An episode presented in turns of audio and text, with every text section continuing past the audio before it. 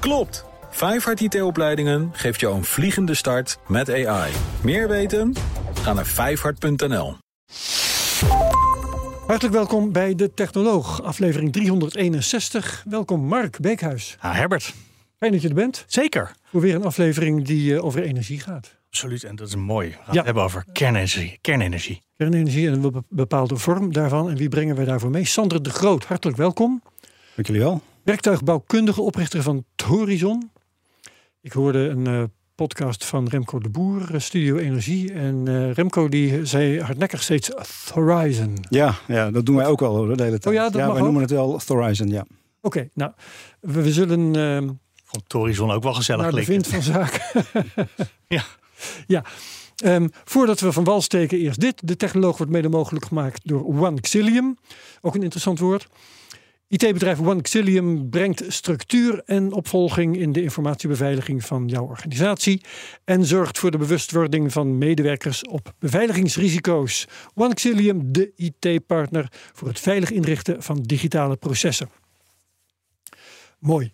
Ehm, en met jou gaan we het hebben, Sander, over eh, kernenergie en dan wel in het bijzonder de gesmolten zoutreactor, alias de thoriumreactor. Is dat hetzelfde? Nee, dat is niet hetzelfde. Wat is het verschil? Gesmolten zoutreactor is een heel generiek type kernenergiesysteem. Ja. Waarbij gesmolten zout zowel het koelmiddel als de, de drager is van de brandstof.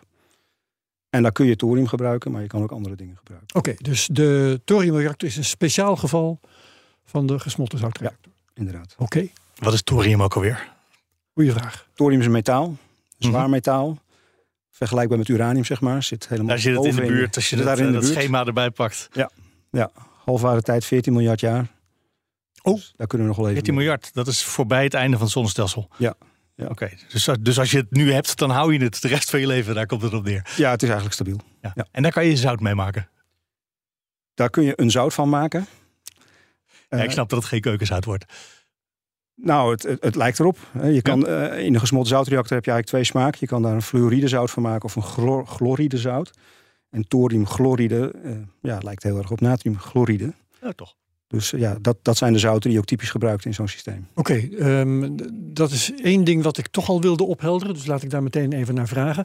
Ehm je zei net, eh, een- zo'n gesmolten zoutreactor, daarin, daarin is ehm, de, wat zei je ook weer precies, de splijtstof is opgelost in, eh, in, in zout. In de koolvloeistof. Eh, ja, Zoiets, de, ja, zei je. de Zeg het gewoon nog een koelvloeistof. keer, ja. zeg het nog een keer in jouw woorden. Wat zei je ook weer? Ja, het, het koelmiddel is ook de brandstof. Juist, dat was het. Koelmiddel is ook de brandstof. Ehm, en uit wat ik gelezen heb, eh, had ik opgemaakt dat de brandstof werd opgelost in het koelmiddel, in dat gesmolten zout.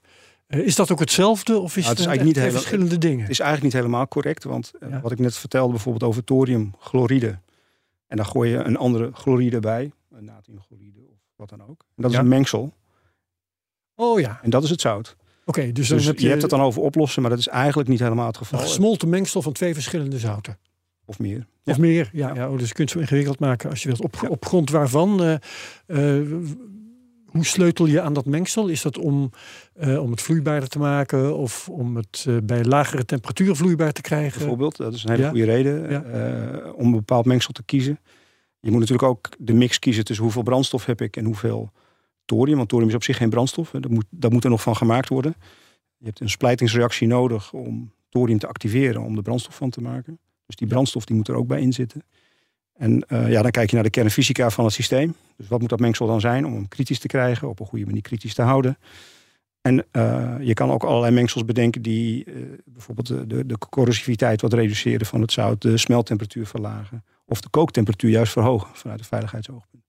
Er zijn Om ervoor te zorgen dat het niet aan de kook raakt. Ja, dat wil je niet. Ja, ja, ja. Kan zout koken? Ja, dat zal volgens mij Dat kan, genoeg eh, ja, dan moet het wel Als je heel het kan heet. smelten, kan je het daarna ook koken. Ja, hoor, ja, gewoon ik wel. eh, omhoog die knop. Maar dan moet Ja, het wel heel, heel helemaal, heet worden. Hoor. helemaal beginnen, want je hebt Ja. het over koelmiddelen. En ik wist helemaal niet eens dat er een koelmiddel in een kerncentrale zit. Want je zou denken, je wilt Maar juist toch. zo, war, zo, je wilt het zo heet mogelijk maken. Zodat je stoom kan maken, zodat je elektriciteit kan opwekken. Maar daar zit kennelijk ook een koelmiddel in. Ja, nou ja, in een waterreactor sowieso. En dat is water. Dat is het koelmiddel in een gewone. Oh, dat is waar je maakt stoom en dat vinden jullie een koelmiddel. Terwijl Nou- ik denk, ja, dat is eigenlijk wat je probeert te maken. Nou ja, kijk, in, in een kernreactor, in, in een borstelenreactor zeg maar, Ja. daar, daar gebruikt je water wordt, wordt gebruikt als koelmiddel. En de brandstof is vast. Dus je spoelt dat water langs die brandstofstaven. Uh, die brandstofstaven zijn warm. Daarmee warm je dat water op. En dat, water, dat warme water draagt zijn warmte dan weer over aan een elektriciteitsopwekkingsunit. Maar goed, dus als je het hebt over een koelmiddel, dan is het niet het doel koelen. Dat is het, het overnemen van de energie uit die kernfusiereactie. Maar dat is hetzelfde. Precies, en dat is hetzelfde in een gesmolten ja, zoutreactor. dat snap ik. Maar koelen klinkt alsof je denkt, dit wordt te warm. Ik ga het even een beetje koelen. Oh ja, nou ja, je kan het ook een warmtetransportmedium noemen. Maar ja, dan wordt het allemaal wel heel ingewikkeld. Maar dan zou ik het wel snappen. Ja, oké. Goed. Ja, ja. Nou, dan houden we het daarbij. Het is een warmtetransportmedium. Ja, precies. En dat is een koelmiddel, omdat het energie overneemt. Ja. En dan als, ja, wat je er dan volgens mee doet. Ja. Ik heb het altijd heel fascinerend gevonden. Dat is eh, uit, uit mijn jeugd, zal ik maar zeggen. Toen hadden we ehm, de kweekreactor in Kalkar. En het was een natriumgekoelde reactor. Dus daar was vloeibaar natrium het koelmiddel. Nou, jij weer. Eh, Ik het geen vermoeden. Maar oké, Bij, bij het woord kweekreactor moeten we het ook nog over hebben straks misschien. laten we het gaan hebben over de eh, reactoren waar jij aan werkt. Sander, Ehm, werk jij nou in het algemeen aan een thoriumreactor? Of werk jij nou in het algemeen aan gesmolten zoutreactoren? We merken in het al- algemeen aan de gesmolten zoutreactor. Daar hebben wij een concept voor bedacht. Wij gebruiken ook thorium. Dat zit ook in onze naam. Dat is waar ook, ja. Eh, maar eh, wij zetten thorium op de horizon, zeg maar. Wij gebruiken het als een hulpstof in de eerste systemen die wij realiseren. Oké, omdat het wel makkelijk werkt of zo? Ja, omdat het ons helpt om het systeem eh, lange tijd stabiel en veilig te houden. Dus ehm, voor ons is het op dit moment te lastig om die thoriumcyclus helemaal te gebruiken. Dus thorium als brandstof, dat is een ingewikkelde stap. Je moet dat thorium omzetten naar uranium, dan is het een brandstof. En op die manier kan je dan die thoriumcyclus sluiten. Oh ja. Nou, daarvoor moet je systeem buitengewoon efficiënt zijn. Gesmolten zoutreactoren hebben daar goede kaarten toe. Maar er moet dan wel heel veel ontwikkeling gebeuren. En dat vinden wij eh, een stap te ver. Dus wij gebruiken thorium als een hulpstof. Die, ehm, dan moet ik toch nog even wat dieper erop ingaan. Ja, wij gebruiken eh, uit, uit gebruikte brandstof de, de langlevende elementen die ook nog als brandstof gebruikt kunnen worden. Eh, daar maken wij een- zout van. Het is een manier om nucleair afval eh, nog nuttig te gebruiken. Hè? Ja. Om daaruit te halen wat erin Ja, zit. om er zoveel mogelijk energie nog uit te Ja. trekken. Eh, het is zonde om dat onder de grond te stoppen. Dus wij proberen daar nog veel meer energie uit te halen. Wij maken daar dus een zout van. Dat gebruiken wij als brandstof. En wij doen daar thoriumzout bij. En het idee daarvan is dat je aan het, als je, als je die reactor lang wil laten draaien, je aan het begin een behoorlijk overschot aan brandstof in je reactor hebt zitten. En als wij daar veel thorium in hebben zitten, dan aan het begin, de neutronen die vrijkomen door de splijting, die worden door thorium geabsorbeerd. Dat dempt die overreactiviteit, zoals we dat noemen. Ja. En we maken ook wat uranium aan. Dus aan het eind van de cyclus krijgen we er wat brandstof voor terug. En zo maken we die reactor mooi stabiel, kunnen we makkelijk regelen. Dus het helpt in het begin de reactie te beheersen. En aan het eind eh, dan heb je nog wat eh, van uranium dat, dat daardoor is ontstaan. Ja. Dat je weer als splijtstof kunt gebruiken. Precies. Ehm, Oké, Eh, dit allemaal dit staat in het, de- ook deze aflevering van de Technoloog, in het perspectief van ehm, eh, de energieproblematiek. Hè? Hoe gebruiken we energie op eh, zo'n manier dat we het eh, minste schade doen aan het klimaat? En eh, is, ja, is dit daar dan een oplossing voor? Daar gaan we het over hebben. Ehm, Wat ik me afvraag, de- Maar- jullie zijn bezig, je zei we hebben een concept ontwikkeld. Eh, dus dat is heel vroeg in het, eh, in het proces. Er staat nog nergens echt zo'n ding van jullie in elk geval. Staat er ergens in de wereld een centrale die ook maar een beetje lijkt op wat jullie van plan zijn? Er staat er eentje nog steeds die in de jaren 50, 60 gedraaid heeft. Die is wel anders dan wat wij hebben bedacht. Dus wij, wij zien in die oude concepten die wel hebben laten zien dat deze technologie goed werkt. Maar om dat dan vervolgens commercieel eh, uit te rollen en, en op een goede manier eh, voor langere tijd in bedrijf te kunnen laten, dus echt te commercialiseren, Mhm. denken we dat je daar eh, wel wat anders moet doen. En dat hebben wij in ons concept verwerkt. En de ding uit de jaren 50, draait dat nog of is Nee, dat inmiddels nee. uitgeschakeld? Nee, En, nee die, die, dat is een museumstuk, dat staat daar gewoon nog. Oké. ja. Maar daar is dus 50 jaar geleden is daar heel hard aan gewerkt. En toen Ja. hebben we met z'n allen gedacht, dit gaat het niet worden. Ja. En nu, eh 50 jaar later, denken jullie, weet je wat? Er ligt nog een heel goed idee waar we 50 jaar niet aan hebben. Wat is, wat is er veranderd waardoor je nu denkt, ja, dat is toch een goed idee? Nou ja, ik, ik- dat was in de jaren 50, 60, dus ik was daar natuurlijk niet bij. Nee. En eh, als je op internet zoekt, dan worden er allerlei redenen genoemd waarom het dan gestopt zou zijn. Ik denk dat het op zich een logische eh, conclusie was in die tijd. Omdat die natriumgekoelde reactoren, waar je het net over had, dat was de toekomst. Daarmee zou je eh, alles wat er nog aan, aan, aan, aan eh, zware materialen zijn, omzetten naar brandstof. En dan kun je de hele cyclus sluiten. En dan heb je een oneindige hoeveelheid hun weer, eigen ja, brandstof. die kweken hun eigen Ja, ja. brandstof. Plutonium uit uranium. Dat was Ja. een hele discussie destijds. Ja. Of dat Ja. veilig was en zo. Nou ja, precies. Dus Ja. die veiligheid, daar werd niet aan getwijfeld in die tijd. Eh, Maar door mij wel hoor. Nou eh, ja, maar goed, eh, toen vanuit beleidsoogpunt eh, in, ieder, in ieder geval niet. Nee, zeker. Ja. Dus, dus, eh, eh, die, er draaiden ook al systemen, de technologie die was er al. Ja. De hele uranium-plutoniumcyclus en het verwerken daarvan, dat was allemaal al gedaan. En lichtwaterreactoren, die de basis vormen van die cyclus, die, die werden al commercieel uitgerold. En dan komt er ineens iemand en die bedenkt een gesmolten zoutreactor. En die zegt van ja, dat is eigenlijk veel beter en veel veiliger. En dan kun je ook thorium mee doen. Ja, dat was een hele vreemde eend in de bijt. En als dan op een gegeven moment het budget wordt gerationaliseerd, zeg maar. Dan zeggen ze van ja, maar we- zijn al klaar. We gaan met lichtwaterreactoren naar met natriumkwekerreactoren. Dan hebben we de zaak rond. Dus waarom gaan we hier nog mee door? En daar is, denk ik, de stekker er door Ja. uitgetrokken. En de tweede helft van Mark's vraag was natuurlijk waarom nu wel? Nou ja, Ja, daarna... lijkt me dat het nog steeds geldig is. We hebben nu die andere reactoren zoals in Borselen staan. Van een type wat jullie dan niet zo aanspreekt. Maar ja, die staan er en die zijn... Nou, die spreken me al Vertrouwd. Die spreken ja? me zeker aan. Oh, ja, toch? Ja, ja, absoluut. Waarom niet? Die dingen die zijn nu beschikbaar. Mhm. Volgens mij is de energieproblematiek groot genoeg om, eh, om daar even vaart mee te gaan Ja, maar waarom zouden we daar niet lekker mee doorgaan? Die kan je vast Nou, nog ook weer ook verbeteren door te tweaken. In plaats van Sterker nog, een veel geloof, te ingewikkeld nieuw project te beginnen. Zo ik geloof dat je ze nodig hebt. Want eh, jullie eh, thorium slash gesmolten zoutreactor heeft nucleair afval nodig als brandstof. Dus wij, wij zijn complementair aan. Jullie zijn een soort vuilnisdienst voor eh, de kerncentrales die er al staan. Nou, we halen, Afval we, verbranden. we halen, de, we halen de maximale energie eruit. En Ja. ja, tegelijkertijd eh, reduceer je ook de levensduur van het, eh, van het afval. Dus eh, ja, wij zijn daar complementair aan. En we denken dat we daar ook een interessante meerwaarde hebben. En dit is ook iets wat we op korte termijn kunnen realiseren. Nogmaals, die thoriumcyclus die ligt wat verder in de toekomst. Maar met wat we nu aan het doen zijn, kunnen Ja. we mooi complementair aansluiten op wat lichtwaterreactoren produceren. Een korte termijn, wat is dat in de, in de wereld van de kernenergie? Nou ja, we, we, we hebben oorspronkelijk gezegd eh, dat we toch wel een jaar of twaalf bezig zouden zijn. We hebben daar nu twee jaar afgesnoept. We denken dat het sneller kan. Dus we zitten nu op zo'n tien jaar plan. En we hopen er eigenlijk nog van alles aan te doen om het nog verder te versnellen. En je zijn twee, drie jaar bezig. Dus dat is over zeven jaar eh, staat de eerste reactor ergens. Nee, we moeten nu zo'n beetje tien jaar. Nu nog tien jaar. Ja, ja, ja we zijn een jaartje. Toch snel nog. Zijn jaar- Ja, dat is snel. Ja, Ja. Want er zijn ook kerncentrales die twintig jaar bouwen eh, hebben meegemaakt. Ja, En dat waren van een type wat we al kenden. Ja, dat klopt. Er zijn ook van dat type reactoren die gewoon netjes eh, heel snel zijn gebouwd. Ja, dat is ook waar. Dus, eh, dus wat daar precies achter zit, ja, dat, is een, dat is weer een hele andere discussie. Nou ja, kerncentrales en projecten hebben toch de neiging om uit te lopen. Of is dat een vooroordeel? Ja, dat ligt aan wat de redenen erachter zijn. Hè, dus, eh, Nou, daar kan je toch gewoon statistieken van nakijken. En zeggen van, nou, we zijn zoveel kerncentrales gebouwd. En meestal zeggen ze, binnen tien jaar kunnen we hem bouwen. Maar gemiddeld is het twaalf of zo, ik weet het niet. ja, in de jaren zeventig werden er tientallen per jaar opgeleverd. En dat was allemaal conform. En toen ging het goed. En toen ging het, dat ging heel snel. Oké.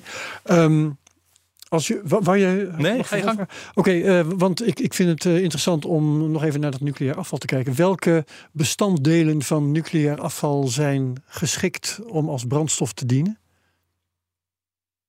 In zo'n reactor? Ons doel is om alles op te stoken. Dus al die langlevende elementen die eigenlijk ontstaan uit het activeren van uranium. Mhm. Dus er gebeuren in een reactor als Borselen twee dingen. Je splijt uranium.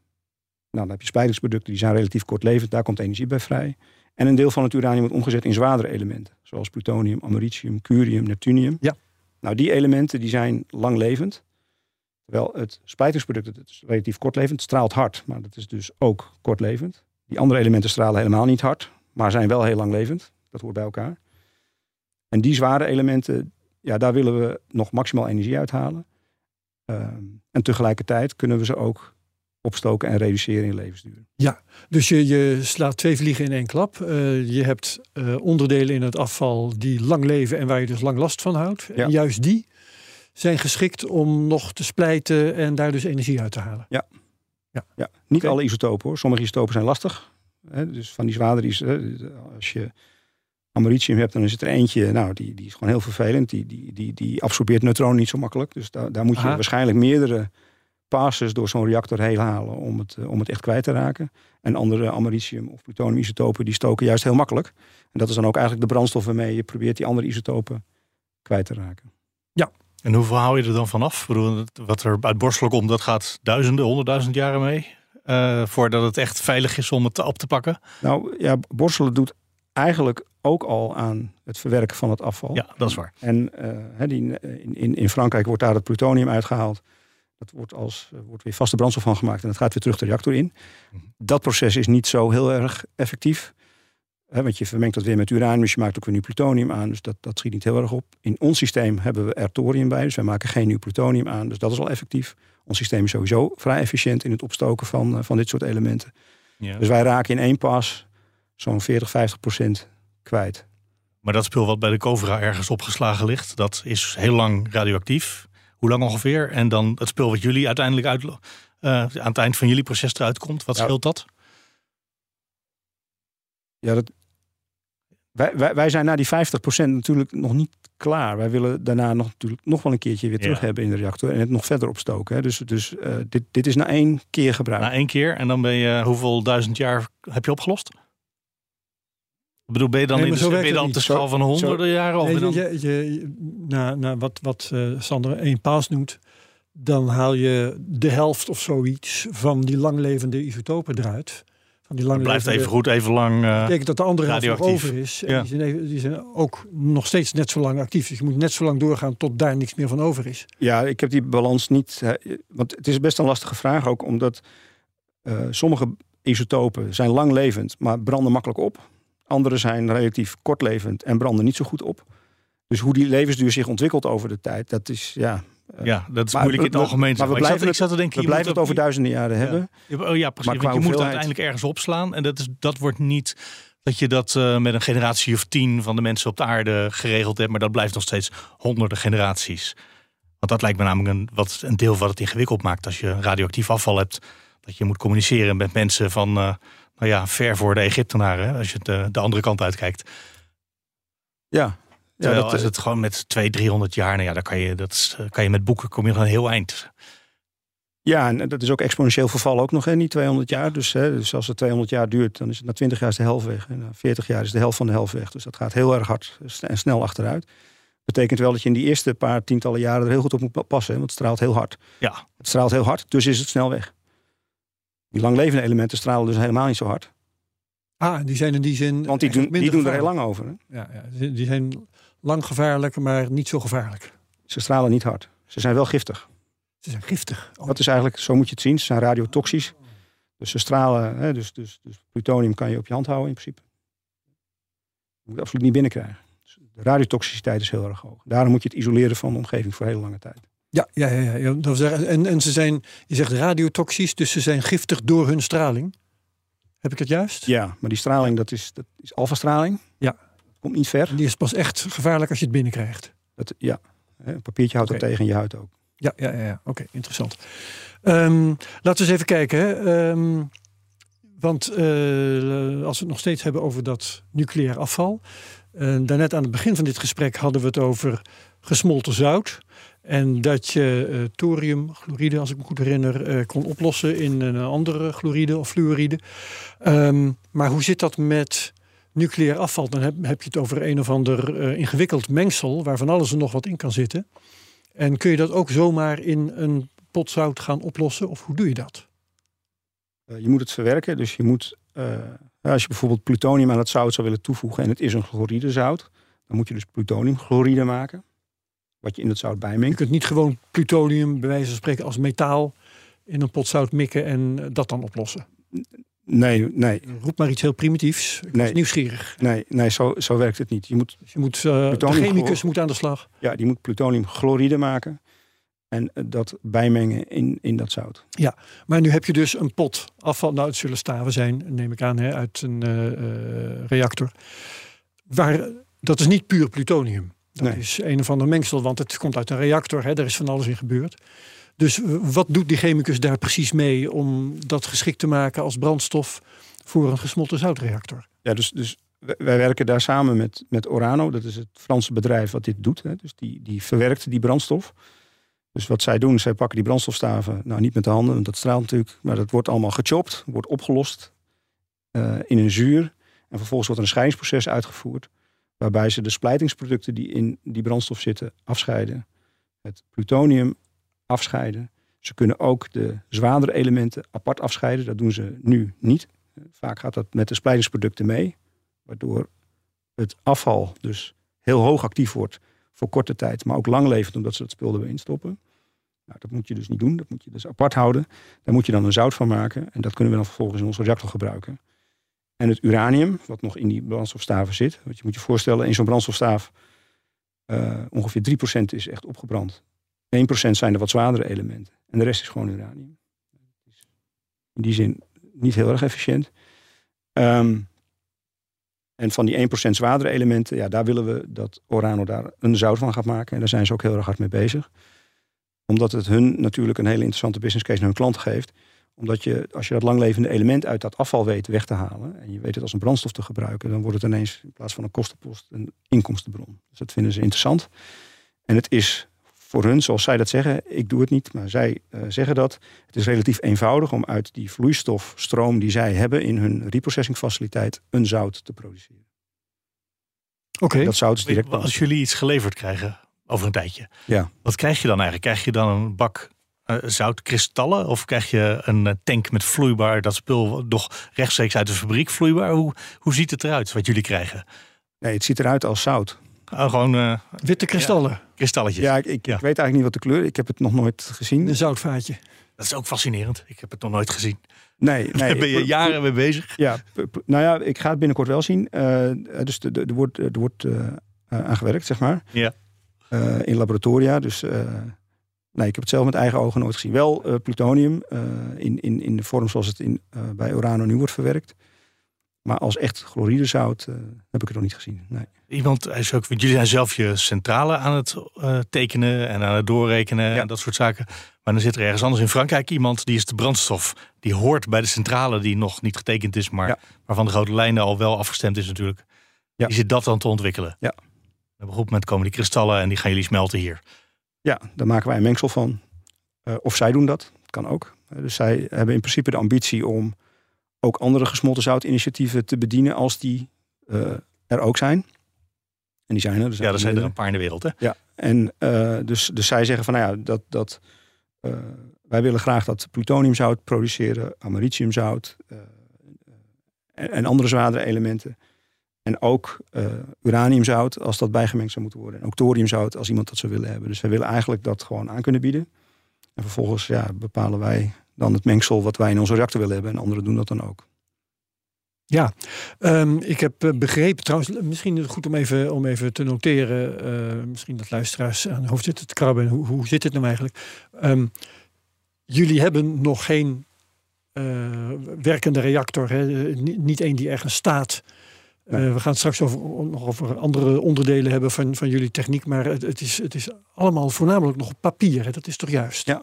ja. ja. Ja, dus uh, als mensen zich afvragen hoe wordt hier nou over gepraat, het is, het is vooral een plan. En uh, nou ja, de perspectieven van dat plan waar we het over hebben op dit moment. Ja, we hebben nu een, een technisch team van tien mensen aan het werk, die dus uh, vooral in de computer aan het rekenen zijn. Hoe moet dat systeem eruit moet, komen te zien? wat voor materialen moeten we gebruiken? Hoe gedraagt dat systeem zich? Ja. En parallel proberen we ook zo snel mogelijk naar testfaciliteiten te komen. Dat is ook waarom we eigenlijk onze testfaciliteiten. Ja, wat, test, wat, niet, wat is test, dat? Niet nucleair. Test, oh, sorry, test. stond het verkeerd. Testfaciliteiten. Ja, dus dat zijn, nou ja, zeg maar kleine loops in eerste instantie waarin je dat zout gaat circuleren om te laten zien hoe dat zich gedraagt. Vooral hè, de chemische interactie in bij hoge temperaturen, wat gebeurt er dan in zo'n systeem? En dat dan ook uh, te gebruiken om onze modellen te valideren, te laten zien dat we dat goed in de vingers hebben. Ja. En uiteindelijk kunnen we in ons concept uh, ook naar een, een cartridge gaan, een, een module. Uh, onze kern is modulair opgebouwd. En één zo'n module is vertegenwoordigt eigenlijk de hele kern van zo'n reactor. Dus dan kunnen we ook relatief gemakkelijk naar een kwalificatietraject gaan. En uh, dat willen we nu versneld gaan oppakken. En omdat we daar wat meer vertrouwen in hebben gekregen, hebben we ook de hele ontwikkeltijd wat uh, teruggeschroefd. Oké, okay, ja. En dat is allemaal... heel even over die, over die modules. Want dat klinkt, je zegt dat is de kern van het systeem. Het klinkt alsof je zegt, nou, we, na een paar jaar vervangen we gewoon de kernreactor. En dan zetten we er een nieuwe module in. Is, is het dat? Ja, daar komt het wel op neer. Ja, alleen we hebben meerdere modules bij elkaar. Een wegwerpkerncentrale, bij wijze van spreken. Een, een, een recyclebare. Een recyclebare ja. reactorkern. Ja, ja, die opgebouwd is uit modules die transporteerbaar zijn. Dus die zijn van een formaat wat nog in een afgeschermde uh, container eh, vervoerd mag kan worden. En uh, meerdere van die modules bij elkaar vormen de kern van ons systeem. Hoe groot is zo'n ding dan nog? Een paar meter of zo? Ja, precieze getallen mag ik nee, niet noemen. Nee, nee, uh, het gaat niet om de precieze getallen, maar grote orde is dus iets wat je mee kan sjouwen in een vrachtwagen. Dat is waarschijnlijk een paar meter lang of tien meter of zo. Ja, het is niet meer dan twee verdiepingen. Ja, ja oké. Okay. Um, dan is het interessant om het te gaan hebben over de, de reden waarom. Hè. Je hebt het over verwisselbare onderdelen. Mark noemt het een wegwerpkerncentrale, allemaal leuk. Um, maar dat heeft... Ja, die houden we erin. Ja. Uh, misschien een goede nou ja, Als je elke zoveel jaar, elke zeven of tien jaar die module vervangt, dat voelt alsof je hem dan ja, een soort uh, nou, recycelt of wegwerpt. Ja. ja. maar moeten we even vertellen wat er in die. Ik, ik weet dat niet, maar uh, wat er überhaupt hoe, dat, hoe zo'n ding in elkaar zit. Normaal pak je dan meteen een plaatje erbij. Ja. En dat is vast heel moeilijk. Dat zou handig zijn. Ja, maar is, is, valt dat te vertellen in een paar woorden van wat voor soort onderdelen er ontwikkeld moeten worden bij jullie bijvoorbeeld? Ja, dus uh, zo'n. Um, dus wij hebben de keuze gemaakt dat de gesmolten zoutreactor uh, in de afgelopen 40 jaar wel heel interessant is gevonden, maar nooit tot realisatie is gekomen. Hij is natuurlijk in eerste instantie afgeschreven omdat andere dingen interessanter waren. Daarna heb je een hele simpel. periode dat niemand meer iets met nucleair wou. Dus dan werd er aan de ontwikkeling ook niet zo heel veel gedaan. En uh, wat je nu ziet is dat gesmolten zoutreactoren worden moeilijk gevonden door de materialen. De materiaalproblematiek. Ja. Die, die zouten zijn chemisch uh, vrij agressief. De temperaturen zijn hoog. En in, het, in de kern worden die materialen ook nog aan straling blootgesteld. Dus die materialen krijgen allemaal flink op hun donder. En dan is de vraag van ja, kan je dan materialen vinden die dat dan van 40 tot 60 jaar vol kunnen houden in een reactor? Klinkt helemaal niet alsof het veilig is. Toch? Nou, ik zal zo uitleggen waarom dat. Waarom je denkt van wel. Nou, nou, de levensduur is inderdaad beperkt. Dus je kan het niet ja, voor 40, 60 jaar volhouden. Dat is onze conclusie ook. Dus we zeggen ja, als je die materialen vindt, nou misschien zijn ze er wel. Maar om ze dan te kwalificeren en te laten zien dat het voor 40, 60 jaar goed gaat, dat is ook een enorme onderneming. Misschien nog ja, wel moeilijker dan. Misschien wel 40 jaar. Ja, nou ja, precies. Dus, dus dat, dat, dat, wij denken dat dat echt een, een showstopper is voor deze technologie. Dus wij hebben bedacht, als je dit dus wil doen, dan moet je ervoor zorgen dat je die materialen vervangbaar maakt. Maar als je dat doet, kan je niet zomaar die kern openhalen en dan dat zout en dan trek je er wat uit en dan stop je er wat nieuws in. Zo, zo werkt dat niet. Je moet ervoor zorgen dat het gecontained blijft. Dat dat zout altijd ergens in zit. En daar komt dit concept idee vandaan, waarbij we zeggen wij hebben modules waarin dat zout opgesloten zit. Die modules zijn van een formaat dat transporteerbaar is. Maar door er meerdere bij elkaar te zetten, kan je een kritische configuratie krijgen. Ja, want eentje op zich uh, die heeft onvoldoende straling om die reacties op gang te brengen. Er zit geen ja, zit onvoldoende brandstof in. Ja, dus dan zet je er een paar tegen elkaar aan. Ja. En dan hebben ze samen wel uh, voldoende uh, radioactief materiaal, straling om die reacties op gang te brengen en te onderhouden. Ja. Te houden natuurlijk ook. Ja, ja en die, hè, die, die modules die praten zeg maar, met elkaar, die wisselen neutronen met elkaar uit. Waardoor je in, als je ze bij elkaar zet. En bij ons geldt dan ook, dat moet ook van al die verschillende modules moet een pomp aanstaan. Zodat het zout naar de kritische zone wordt gepompt. Als die pompen niet draaien, dan zakt het zout naar beneden en gaat die reactor uit. Dat is een soort veiligheidsmaatregel. Ja, Als ja. iets stuk gaat, dan gaat het niet juist mis, maar het gaat juist goed. Ja, precies. Ja. Dus je moet altijd actief al die pompen aanzetten. Die modules moeten bij elkaar staan. En pas dan is die reactor actief. En ja, als die pompen uitvallen, dan zakt het zout naar beneden en dan doet het niet meer. Um, nou ging het dus over uh, dat zout dat uh, heet is en uh, corrosief, zei je, straling en zo.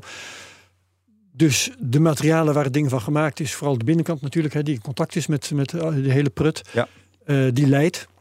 Nou wil ik weten, wat voor materialen worden daar dan voor ja, gebruikt, kan ik niet zeggen, want dat bestaat nog niet. Onderzocht. Maar overwogen, onderzocht. Ja, dus ik ga niet vertellen welke materialen precies zijn. Aha. De materialen die we gebruiken zijn al voor nucleaire toepassing gekwalificeerd. Mm -hmm. Nog niet helemaal voor ons gebied. Dus wij willen deze materialen ook gaan bestralen in de reactor in, in Petten. De materiaaltestreactor die daar staat. En daarin kunnen we gecontroleerd onder onze omstandigheden die materialen nog, dat kwalificatietraject nog wat uitrekken naar onze omstandigheden. En daarmee uh, kunnen we in ieder geval een, een vijf jaar levensduur die we voor onze eerste systemen aan willen tonen, kunnen we daarmee laten zien. Ja, kan je iets daarvan toch zeggen? Bedoel, is, heb je het over metalen of over keramische stoffen? Of uh, bij, uh, bij de... de... Teflon? Teflon. Vast, vast niet. Maar... Vast geen teflon, maar wie nee, weet. Geen plastic ook. Of is, dat, uh, is zelfs dat al geen hout? Nee, zelfs dat is al geheim. En ja? um, Hè, dus ook de suggestie op, op welk materiaaltype je inzet, dat, dat, dat is al informatie waar, waar wij heel erg lang over nagedacht hebben. En het is heel makkelijk gezegd, maar je geeft heel ja, veel weg. Je dus ga je de concurrenten niet cadeau doen. Dat doe ik liever niet. Hebben jullie er één inmiddels? Ik begreep, ik weet niet waar ik dat vandaan heb. Wat bedoel je, één materiaal? Ja, eh, ik begreep dat er drie soorten materialen overwogen werden. Maar mis- misschien Klopt. is dit... Ja, oh, hebben- dat klopt. Ja, Nou, ik weet drie, niet meer waar ik het vandaan heb, sorry. Eh, nou, we- we- wel, wel meer. Eh, eh, wij zaten eerst op het spoor van we hebben een materiaal nodig eh, wat het gewoon echt helemaal goed doet. Eh, en daar hebben we ook een, een industriële partij gevonden die dat heel graag voor ons wil maken. We hebben uiteindelijk wel geconcludeerd dat dat echt nog een enorm kwalificatietraject vergt. En ook eh, een industriële ontwikkeling vergt om dat goed te kunnen maken onder gecontroleerde Fabrikant dat ook omstandigheden. goed eh, op de goede kwaliteit kan Ja, maken. ja, en dus wij zien dat als een vervolgstap in, in onze modules. Dus wij, wij, wij willen natuurlijk zo snel mogelijk tot realisatie komen. Als die systemen één keer draaien, kan je daarna de optimalisatie doorvoeren met nieuwe modules. Met nieuwe Nou, cartridges. de eerste, eerste module gaat eh, drie jaar mee en de derde gaat zeven jaar mee. Nou, we willen wel vijf jaar laten zien. Vijf. Maar dan zou je daarna bijvoorbeeld door kunnen naar zeven jaar, tien jaar. Eh, De materialen die, die, die, die zullen dan gekwalificeerd kunnen zijn. We kunnen ze natuurlijk ook in zo'n eerste module meenemen om te zien hoe ze zich gedragen. Dus je kan dan eh, ja, een, een verbeterslag doorvoeren. Ja, Eh, uit dit verhaal rijst wel een heel lang testtraject op. Eh, nu nog eh, het, het zoeken van de juiste Überhaupt het materialen. materiaal inderdaad alleen al moet testen. Ja, op een gegeven moment ben je daarmee klaar, maar ik zie dat niet eh, binnen een jaar gebeuren. Daar mag jij ook wel wat van zeggen. Maar daarna ga je dan misschien eh, die cassettes maken. En, eh, maar dan zeg je, dan gaan we ze aantonen dat ze vijf jaar kunnen werken. Ehm, dus dat duurt ook vijf jaar, op zijn minst. Ja, maar dan staan ze wel in een reactor te draaien. hè? Ja, oké. Dan is die gebouwd. En eh, nogmaals, het materiaal wat we nu hebben gekozen is een materiaal wat al gekwalificeerd is. Ja. Het andere materiaal zou beter zijn. Maar met dit materiaal kunnen we die vijf jaar volhouden. Ja, En Maar toch, Ja. Je zult eh, straks, dan heb je de, de materialen, eh, daarvan zeg je dan misschien, oké, die kunnen we gaan proberen vijf jaar lang. Ehm, dan moet je die cassettes gaan bouwen. Die had je eerst ook nog niet, dus die moet je eigenlijk ook nog ja, kijken of het allemaal werkt zoals je dat van plan was. Ja. In het geheel moet het functioneren. Dan moet je ook kijken of het eigenlijk allemaal wel werkt. Ja. Dus zeker die eerste vijf jaar, dan heb je een, eh, in het beste geval een testreactor staan. En dan is de vraag eh, nog steeds, ga je dat inderdaad als een testsysteem zien en ga je afwachten na die vijf jaar hoe het er allemaal uitziet? En vind je dat dan... Ja. eh, Of ga je alvast vrolijk energie opwekken? ja, en ga je, ga je dit al uitrollen? Ja. Het systeem En laat jullie in- zeggen, we rollen dat wel uit meteen? Nou, waarom niet? Eh, omdat je dan een nog niet getest systeem hebt. Ja, maar als het voldoende aangetoond is en je hebt een vergunning gekregen om hem aan te zetten, dan heb je al heel wat gedaan om het aan te tonen dat dit veilig en dat dit goed gaat. Eh, ja, en ik ben niet de, de autoriteit die dat allemaal keurt en daar een vergunning voor geeft. Maar eh, als je nog geen complete reactor getest hebt, zouden ze dat dan doen? Zeggen we, doe dat maar, bouw die reactor maar, we gaan, er wel, gaan we wel aansluiten op het net? Ja, uiteindelijk weet ik dat natuurlijk niet. Het ligt Nee. natuurlijk aan hoe zo'n vergunningverlener erin zit. Kijk, de, de, de, een gesmolten zoutreactor heeft wel hele goede veiligheidskaarten.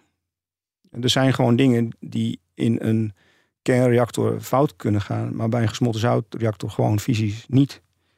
En eh, daar maken we natuurlijk maximaal gebruik van.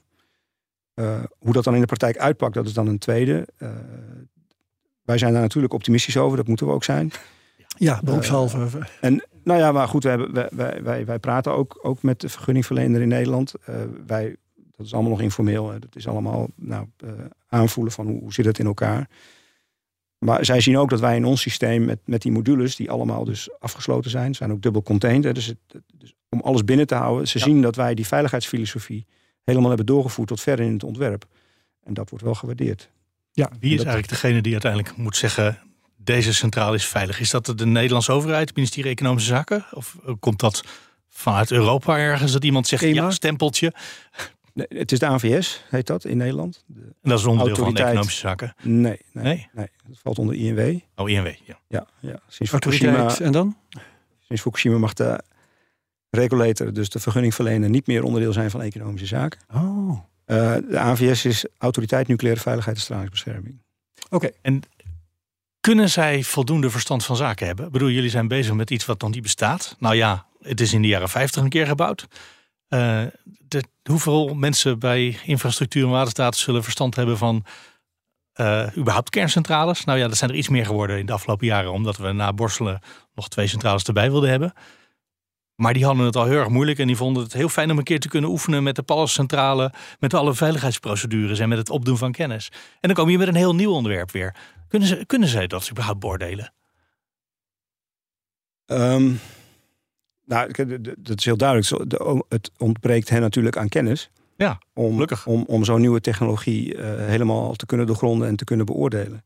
Dus die kennis moet opgebouwd worden terwijl wij met dat vergunningstraject bezig zijn. En dan gaan jullie ze vertellen, het is veilig om deze reden. En het lijkt het mij zo moeilijk als beoordelaar om te zeggen... oh ja, maar zij benaderen het op deze manier. Maar eigenlijk willen wij het op die andere manier benaderen.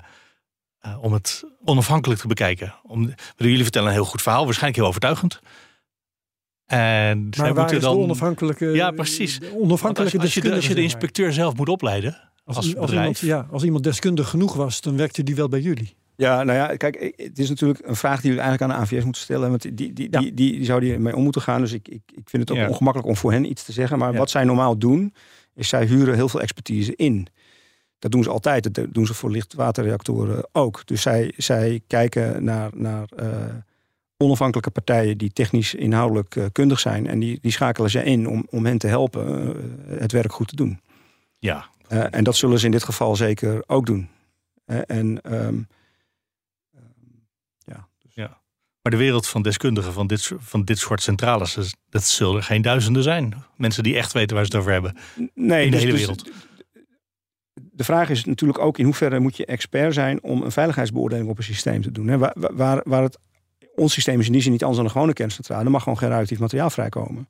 Ja, Hoe toon je aan en borg je dat dat inderdaad onder alle omstandigheden het geval is? Da- In Ja. die zin is de case die wij moeten maken niet anders dan voor een andere kerncentrale. ja, dat snap ik. Tegelijkertijd, de fouten zitten altijd op de plekken waar je ze niet verwacht. Eh, niemand had bedacht dat er een golf eh, zeewater over Fukushima heen zou komen vlak na een aardbeving. Nou, daar waren ze wel voor gewaarschuwd overigens. Ja. Daar nou, oké.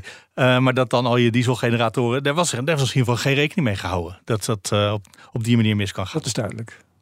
Of niet voldoende in elk geval. Ja. Dus het, ik denk dat het probleem zit altijd op een plek waar je niet gekeken hebt. Ja, d- dat, dat, dat, dat, is het geldt uitgangspunt. altijd. Maar, maar, ja. maar- nou ja, maar dit, deze centrales, je zei het net zelf al, die, die zijn eh, veilig in zichzelf. En als je niet genoeg modules bij elkaar hebt, maar goed, je zet hem ook met aan, dan heb je voldoende modules bij elkaar om een kritische reactie in stand te houden. ja. Kijk, zo'n gesmolten zoutreactor is drukloos. En je zorgt er natuurlijk voor dat dat onder, andere- onder alle omstandigheden ook altijd zo blijft. En dat betekent dat je barrières niet van binnenuit onder druk komen te staan en gaan falen en dan een kans op vrijzetting geven. Dat is een ongelooflijk belangrijk uitgangspunt.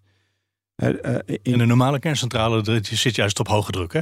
zit op hoge druk, maar heb je ook water. Water wordt stoom en de druk kan dus ook uit de hand lopen als je niet voldoende koelt. Dus, Ja. dus daar, heb, en, en daar, daar doen ze natuurlijk doe je alles allemaal aan. niet aan, dat soort dingen. Nee, dat hebben wij niet. Dus, dus, dus wij hebben. eh, kijk, nogmaals. eh, in de discussie met, met, een, met, met een, een regulator, met, met een vergunningverlener, ga je natuurlijk zien hoe dat, hoe dat in de praktijk uitpakt. Ja. Maar dit argument dat wij een, een druk, vrijwel drukloos systeem hebben onder alle omstandigheden, ja, daar snapt ook de AVS wel van dat dat heel erg voordelig is voor je hele veiligheidscase. Ja. Want je sluit gewoon dingen helemaal uit. Eh, ja, en wat je net vertelde met die pomp, je moet sowieso stroom hebben om het zout naar de goede hoogte te brengen. Ja. Dat klinkt ook als een veiligheidsmechanisme. Ja. Maar aan de andere kant, de temperatuur is wel heel hoog hè, aan de binnenkant. Dus Ja. dat is, eh, dat is Welke ex- dat is temperatuur bereiken we? Of is het ook een geheim? Een beetje wel, ja. Eh, maar eh, nou ja, zo weet je, rond de 500 graden. Oké. En dat is in een normale kerncentrale minder, 300. 300. Dus dan kan je, heb je meer warmte.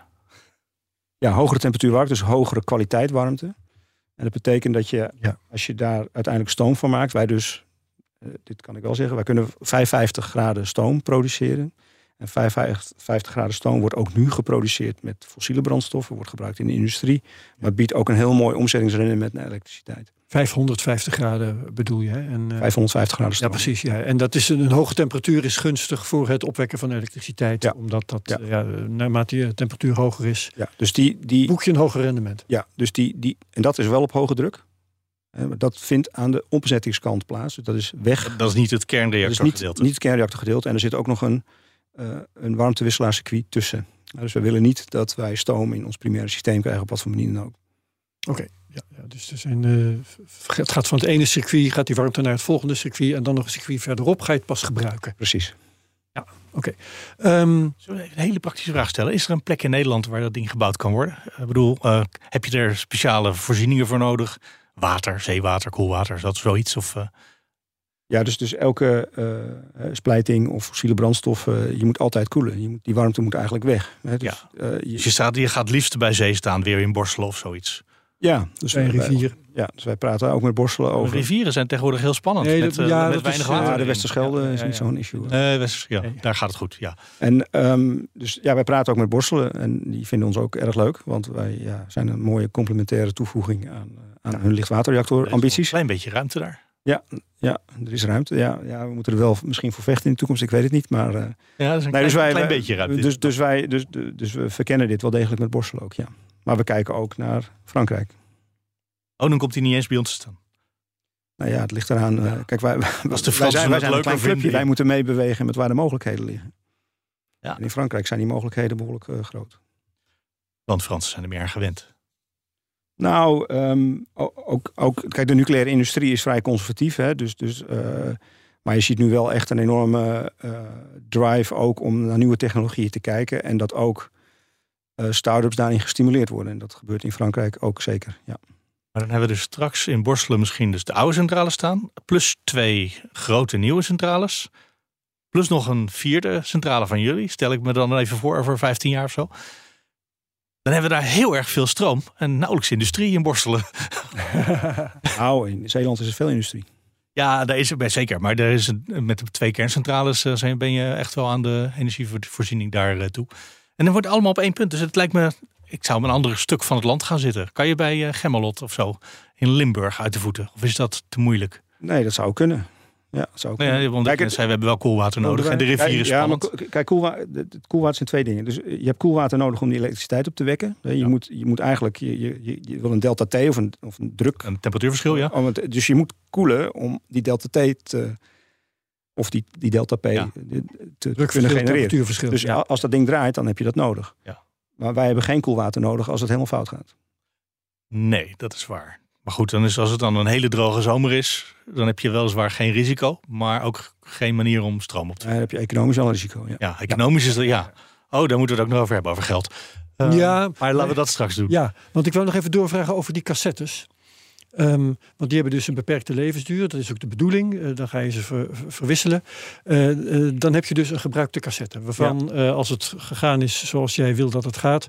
Dan zijn al die langlevende isotopen, al die langlevende radioactieve stoffen, die zijn eruit. Want die zijn gespleten. Grotendeels. alleen nog maar, niet, ja, niet grotendeels. Alles, nee, 100% haal je nooit. Maar je komt een heel eind.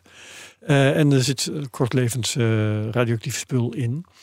wat is dan het idee om die cassettes als geheel tot afval uh, te bestempelen? Of om ze te legen en opnieuw te vullen? Legen. Dus het uh, zout eruit halen. Dat kun je dan weer oplossen in water. En dat kan je weer in je reprocessing faciliteit introduceren. Spijnsproducten er weer uithalen. Dat kan je dan weer verglazen. En als we het heel netjes doen met dat langlevend afval, hoeft er geen langlevend afval meer bij. En kan je met het langlevende elementen uit dat spul weer nieuw zout maken. En het Processing. Dus op die manier proberen we die loop te sluiten. Ja. De cartridge zelf, het materiaal van, van het gemaakt is, zeker de bovenkant die in de kern heeft gezeten, die is geactiveerd. dus die straalt. Ehm, dus het, het, materiaal wat we in de toekomst heel graag zouden willen gebruiken, dat activeert nauwelijks. Dat zou heel mooi zijn. Uh, wat we nu moeten gebruiken, activeert nou, flink. Ah, Wel, zo. Dus er zijn uh, materialen. Activeren, die... dan bedoel je radioactief geworden? Het wordt radioactief. Ja, ja die. Uh, zijn, zijn materialen die niet zo erg geneigd zijn om zelf radioactief te worden ja. in deze vorm van gebruik. Ja. Ja, oké, dat snap ik. Um, dus um, de bedoeling is dat die cassettes hergebruikt worden, die worden gewoon weer opnieuw gevuld. Nou, die bovenkant die straalt hard, dat, ja. daar wil je eigenlijk niet meer aankomen. Die wil je gewoon die, als afval. Dus die gaat uh, ja, met de vuilnisman mee. Kortlevend afval, hè, dus ja. het straalt wel hard, maar het is dan ook snel weg. Mm -hmm. uh, de onderkant uh, is licht geactiveerd en ook besmet. En ja, de vraag is of we dat nog zouden kunnen hergebruiken. Okay. Daarvan kan je zeggen, nou, is ook door het zout aangetast. Dus hoe gaat dat nou in de praktijk? En kan je dat nog wel opnieuw een keer gebruiken? Kan je het omsmelten en dan uh, de reactieve stoffen daar uithalen en het dan gewoon als een als beestmateriaal weer opnieuw gebruiken? Dat, uh, dat hebben we allemaal nog niet, nog niet bekeken. Ja. als je kijkt naar de totale hoeveelheid aan, aan, aan structureel materieel afval, zeg maar. Zeker als je de levensduur natuurlijk weet op te rekken is niet heel veel anders dan wat er nu aan vaste radioactieve stoffen uit een gewone kerncentrale komen. De, buizen waarin de brandstof zit ja, in, in ja. de borstel, et cetera. Ja. En uiteraard kunnen we dat ja, op alle manieren optimaliseren. Zullen we het nog eens hebben, hebben over de, de, de planning? Want we hadden het eh, daar ehm, aan het begin van, eh, van deze podcast ook al over. Ehm, jullie hebben verschillende planningen staan hè, voor, eh, even kijken, 12 jaar geloof ik en 10 jaar. Jullie mikken nu op 10 jaar. Ja. Vanaf nu. Ehm, En dat, counting. We willen het natuurlijk nog verder reduceren. Dan, Maar- dan, moeten, dan moeten er heel veel dingen tegelijkertijd gebeuren. Hè. Dus eh, Mhm. ik bedoel, het is al ambitieus wat we willen. Ja. Ehm, maar ehm, naarmate we er langer naar kijken en naarmate je meer parallel kan gaan doen, dan moet er ook veel eerder veel meer geld in. Dan moet je ook een overheid hebben die meteen meewerkt. Op een gegeven moment komt het vergunningstraject echt op het kritische pad te liggen. Dus dan moet je ook wat van de vergunningverlening verwachten. Dus dan is er een hoop wat tegelijkertijd goed moet gaan. Dan zou het nog korter kunnen. Maar dan ga je richting een maanlandingachtig project, zeg eh, zeg ik dan altijd maar. ja, Alles en iedereen ook meewerken. Ja, nou, ik eh, wil geen illusies verstoren. En eh, jij moet ook je eigen, vooral je eigen planning eh, in je hoofd houden. Ik zeg, dat gaat, hem, dat gaat het dus niet worden. Ehm, ik, ik, Waarvan waar dit pessimisme, Herbert? nou, eh, alle, alle ik denk dingen. dat we heel wat optimistisch kunnen gebruiken hoor. Als je kijkt naar wat we aan energievoorziening moeten regelen en organiseren. dat, dat, dat is waar. Maar dat alle dingen op de ideale manier zouden gaan eh, verlopen, daar heb ik gewoon moeite mee in te geloven. Ehm, dus laten we eens even kijken naar het. eh, nou ja, ik wil jouw planning van 10 jaar dan nog wel even volgen, maar eigenlijk vooral voor de sake of argument. Dan heb je dus over 10 jaar hebben we dan een werkende reactor, of kunnen we dan beginnen met de bouw van een werkende reactor? Dan draait er een werkende reactor. Dan draait, draait een werkende reactor. Ehm, in ieder geval is dat eh, zeven jaar voordat van eh, Eurocommissaris Hoekstra de CO2-uitstoot in Europa met 90% al moet zijn teruggebracht. Daar kun je dan amper meer aan bijdragen.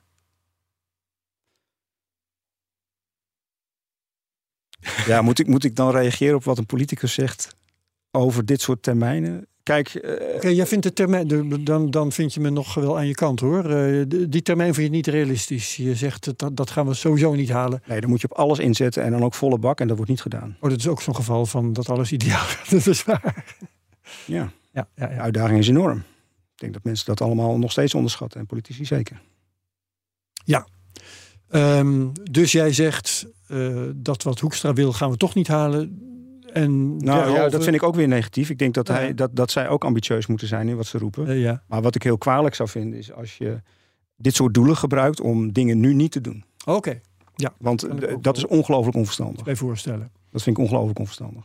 Maar bijvoorbeeld de Nederlandse overheid heeft net rapporten laten maken over kunnen wij kernenergie gebruiken in Nederland en wat voor consequenties heeft dat voor het energieverbruik.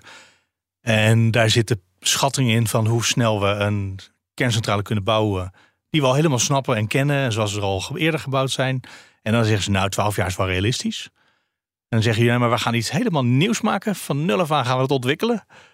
En dan vind ik die 10 jaar vind ik ook wel optimistisch. Dat is de reden overigens in dat rapport waarom de overheid zegt het ministerie van Economische Zaken in dat geval. We gaan daar niet op inzetten op al die nieuwe, eh, nieuwe oplossingen. Want we, ja, daar verwachten we helemaal geen snelheid van. Ja, nou ja, dat is dan. Dat is dan Ik, ja, ik ga het toch zeggen, ik vind dat Ja. vrij naïef natuurlijk. Hè? Als je zegt van nou ja, ik, ik, ik moet in 2030 moet ik doelen halen. Dus ik ga nu geen dingen doen die na 2030 iets op kunnen leveren. Nou, dat zeggen ze niet. Ze zeggen alleen als we ja, haast dat hebben, dan moeten we de oude centrales bouwen. Want dan weten we zeker waar we aan toe zijn. Ja, vind ik ook. Dat moet je ook doen. Gewoon ook allemaal. En, en, Alles. en. Alles. De uitdaging is enorm. Ja, ja, ja. Dat, Ja, dat, eh, daar ben ik het helemaal mee eens. Je moet gewoon alles doen. En maar je moet ook niet vergeten dat je na 2030 ook nog wat moet. En eh, op sommige dingen moet je ook nu gaan inzetten. En Ja. dat vergt inderdaad een lange termijn visie. En ja, daar ontbreekt het af en toe wel eens aan. eh, na de verkiezingen krijgen we die weer. Met een Lange beetje termijn geluk. visie.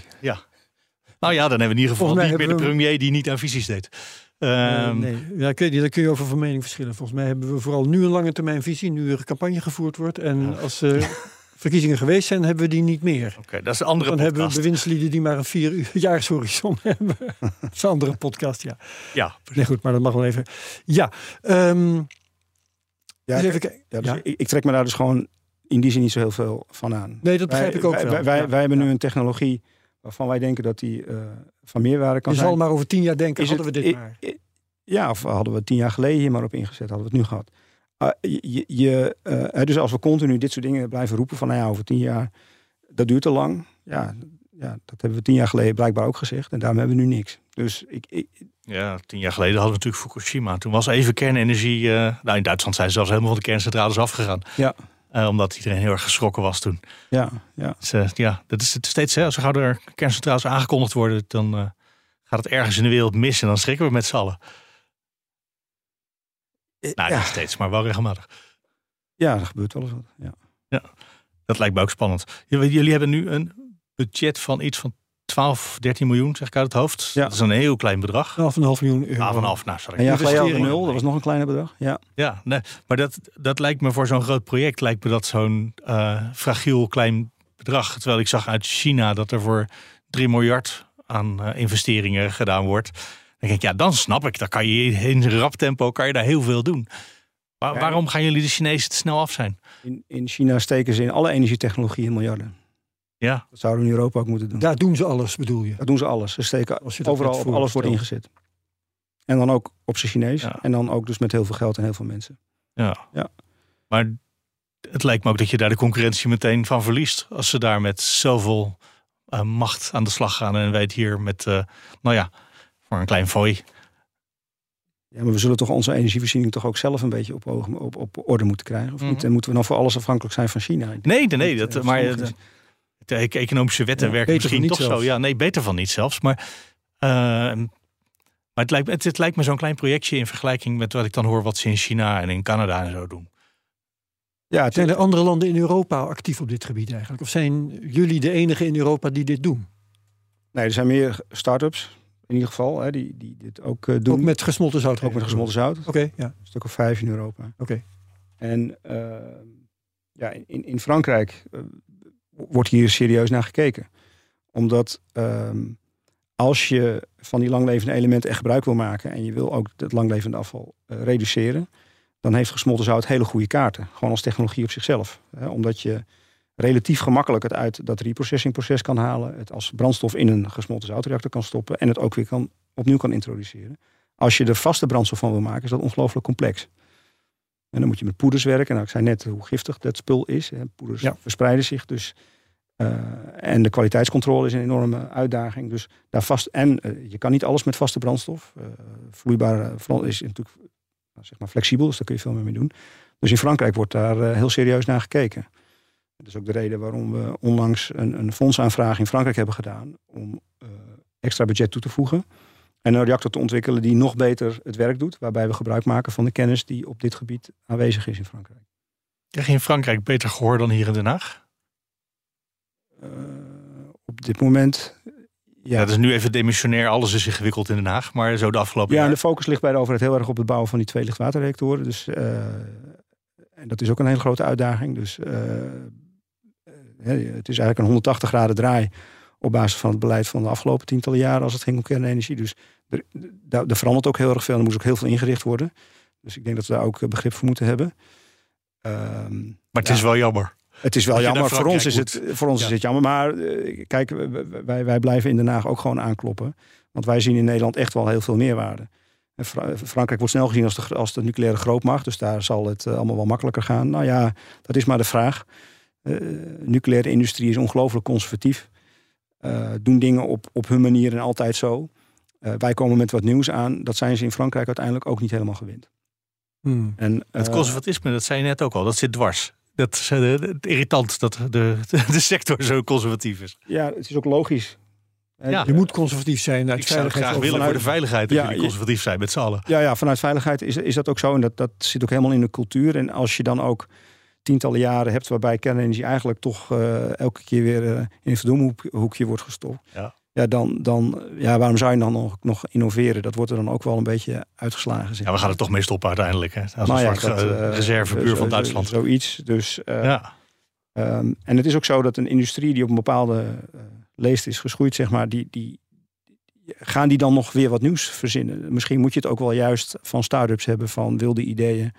En kijken hoe ver dat komt. En op een gegeven moment zien van, hé, hey, dat is toch wel heel erg interessant, daar gaan we mee verder. En dat is ook de manier zoals wij er naar kijken. Wij, wij, eh, Wij zijn nu een klein clubje. Uh, als we over tien jaar een reactor willen bouwen, dan moeten er duizenden mensen aan het werk zijn om dat ding uh, te bouwen. Ja, het is niet reëel om van een, een club die nu een ontwikkeling doet, te verwachten dat dat straks een, een reactorbouwer zou gaan worden. Dus wij zijn heel erg op zoek naar partnerships om te zorgen dat we via die weg kunnen groeien. Met wie bijvoorbeeld? Met wat voor partijen? Ja, er zijn altijd verschillende partijen bij betrokken. Uh, kijk, wij doen nu een ontwikkeling. Een, een reactorbedrijver zijn is een heel ander type business. Het is heel wat anders, ook qua cultuur. En, en dus we hebben sowieso een, eigenlijk een operator nodig die, ah, die gaat bedrijven. Ja, ja. We hebben een bedrijf nodig die, ja, die die reactor echt gaat bouwen. Die, die ervaring heeft met hoe uh, doe ik een fundering, zet ik de zaken op en uh, loods ik zoiets door een vergunningsproces. Um, ja, die ervaringen zijn er. En, en, en, Kom je dan wel terecht bij de traditionele kerncentrale bouwers? Ja, dat zou kunnen. Ja, dat Daar zijn er ook niet zo heel veel van in de hele wereld natuurlijk. Ik geloof nee, vier. Nee, ja, zijn er niet veel. Dus dan, als een van die vier mee wil doen, dan, uh, dan kan die het voor je bouwen. Ja, dan kunnen we een grote stap zetten. Maar daarvoor moeten wij natuurlijk nog het nodige aantonen. Ja, ja. Daar gebruiken we die 12,5 miljoen voor bijvoorbeeld. Ja, ja. Proberen we dus ook in Frankrijk daar nog aanvullend uh, budget uh, te krijgen. We proberen ook in. Nederland de Nederlandse maakindustrie te interesseren. Want kijk, een reactor is één ding. Als wij die modules niet in onze reactor hebben zitten. Wat er dan eigenlijk overblijft is eigenlijk een concentrated solar power plant. Hè, dus, een, dus een zoutloopje en een stoomcyclus. Ja. En een stralingsschild. Dus dat is relatief eenvoudig. Alle complexiteit zit in die modules. Nou, die modules zouden we ook heel graag ontwikkelen met de Nederlandse maakindustrie samen. Jullie hebben op dit moment op jullie website staan: uh, We're not ready to build. Dat heb ik overgeschreven. Um, wat is dan precies de um, beperkende factor op dit moment? Is dat jullie eigen kennis? Of is dat dat je, geen, dat je niet de juiste partners hebt? Of is dat dat je te weinig geld hebt? Uh, of niet allemaal. de juiste mensen, personeel? Wat, wat is het, ja misschien wel allemaal, maar wat is het belangrijkste als je dat zo spontaan zou moeten uh, opnoemen? Wij moeten alle uh, mogelijke omstandigheden die we hebben in ons systeem aangetoond hebben dat het ding veilig is. Het moet allemaal ja. gedirect zijn. Voor sommige van dat soort sommetjes moet je ook laten zien dat je het experimenteel kan bevestigen dat het ook daadwerkelijk zo is. En dat is wat we nu doen. We hebben een de-risking traject, noemen we dat. We proberen ah. de risico's zo ver terug te schroeven dat het makkelijker wordt om er vervolgens veel meer geld in te steken. Ja, dus dus uh, daarom zijn we niet ready to build. Ja. Uh, je kan natuurlijk zeggen, ja, als je wel ready to build bent, dan, dan, dan, uh, dan beloof je iets te veel. Maar je zou natuurlijk wel kunnen zeggen, ik ben ready to build. En uh, ja, we gaan gewoon afnamecontracten eh, laten tekenen. En dan heb je op een gegeven moment zoveel perspectief dat je daarmee geld op kan halen. En dan kan je beginnen met bouwen.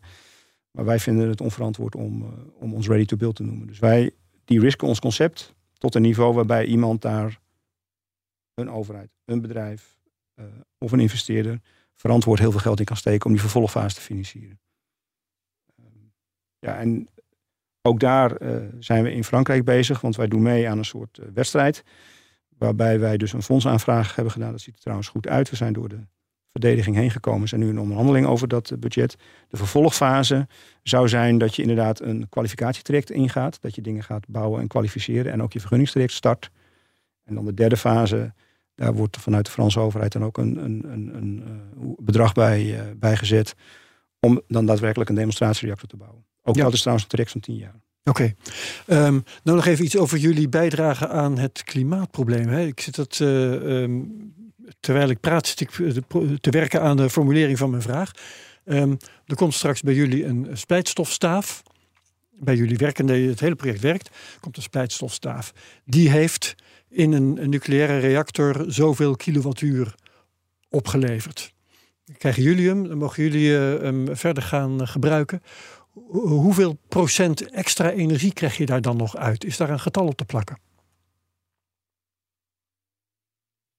Ja, volgens mij halen we er globaal gezegd, met, met wat ik net zei, dat je de helft in één zo'n pas reduceert, nog zo'n 25% extra. 25% extra. Ja. ja. dus als wij uh, een x aantal kerncentrales uh, in Nederland neerzetten, als jullie technologie werkt en de reactoren worden gebouwd en noem alles maar op, dan kan daar 25% extra uitgehaald worden. Ja, ik moet even goed opletten met wat ik uh, zeg aan getallen, maar. Uh... nou ja, als. Uh, het gaat op de grote orde. Schatting met de nou, natte het, is, het is geen 80, het is ook geen. Laat ik, het, laat ik het op een andere manier zeggen. borstelen. Ja. Op hun afval kan 1 à 2 van onze reactoren draaien. Ja, dat zegt mij nou net wat minder. Want ik wilde nou juist graag weten uh, wat, je, wat we extra kunnen halen uit de die verhouding is-. Ja, dus de verhouding is 500 megawatt elektrisch borstelen, 100 megawatt elektrisch van ons. Dus daar komt dan die 20% vandaan. 20% Ja, ja nou oké, dat is, eh, dat geeft een idee. Ja. Jij nog vragen maar? Ja, we hadden het net over geld. En eh, bij eh, kerncentrales is de financiering altijd ingewikkeld. Want je moet aan het begin eh, heel veel geld hebben. Dan heb je daarna een apparaat wat relatief goedkoop blijft draaien, jaren en jaren. En aan het eind dan heb je een apparaat waar je vanaf wil. En dat kost weer miljarden om op te ruimen. Dat soort berekeningen die jullie ongetwijfeld toch gemaakt hebben.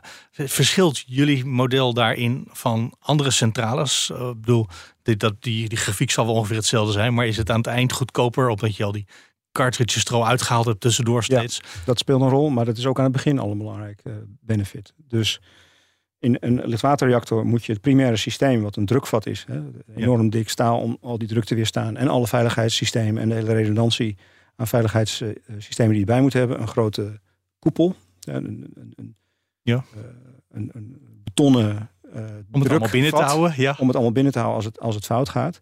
Dat zijn allemaal dingen die wij niet hebben.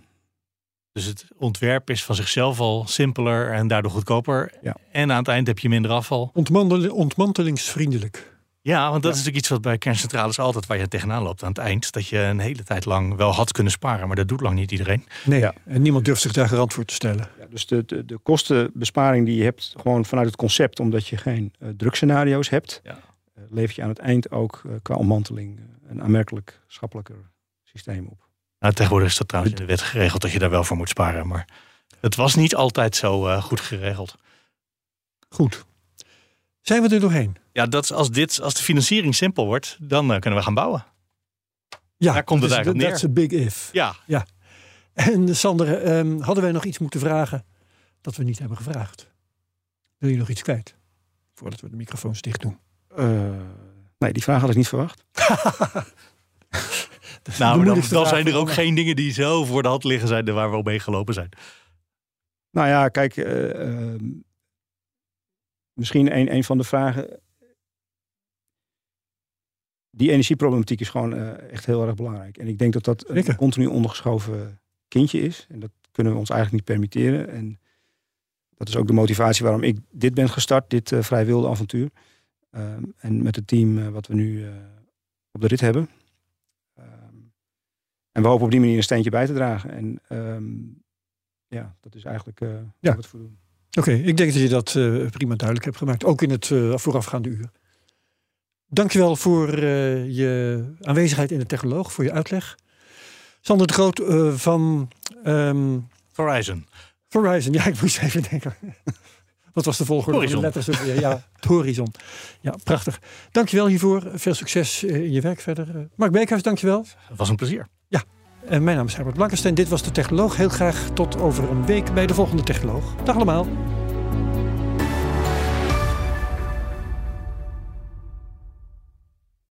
Klopt. Leer in één dag alles over AI. Meer weten? Ga naar vijfhard.nl.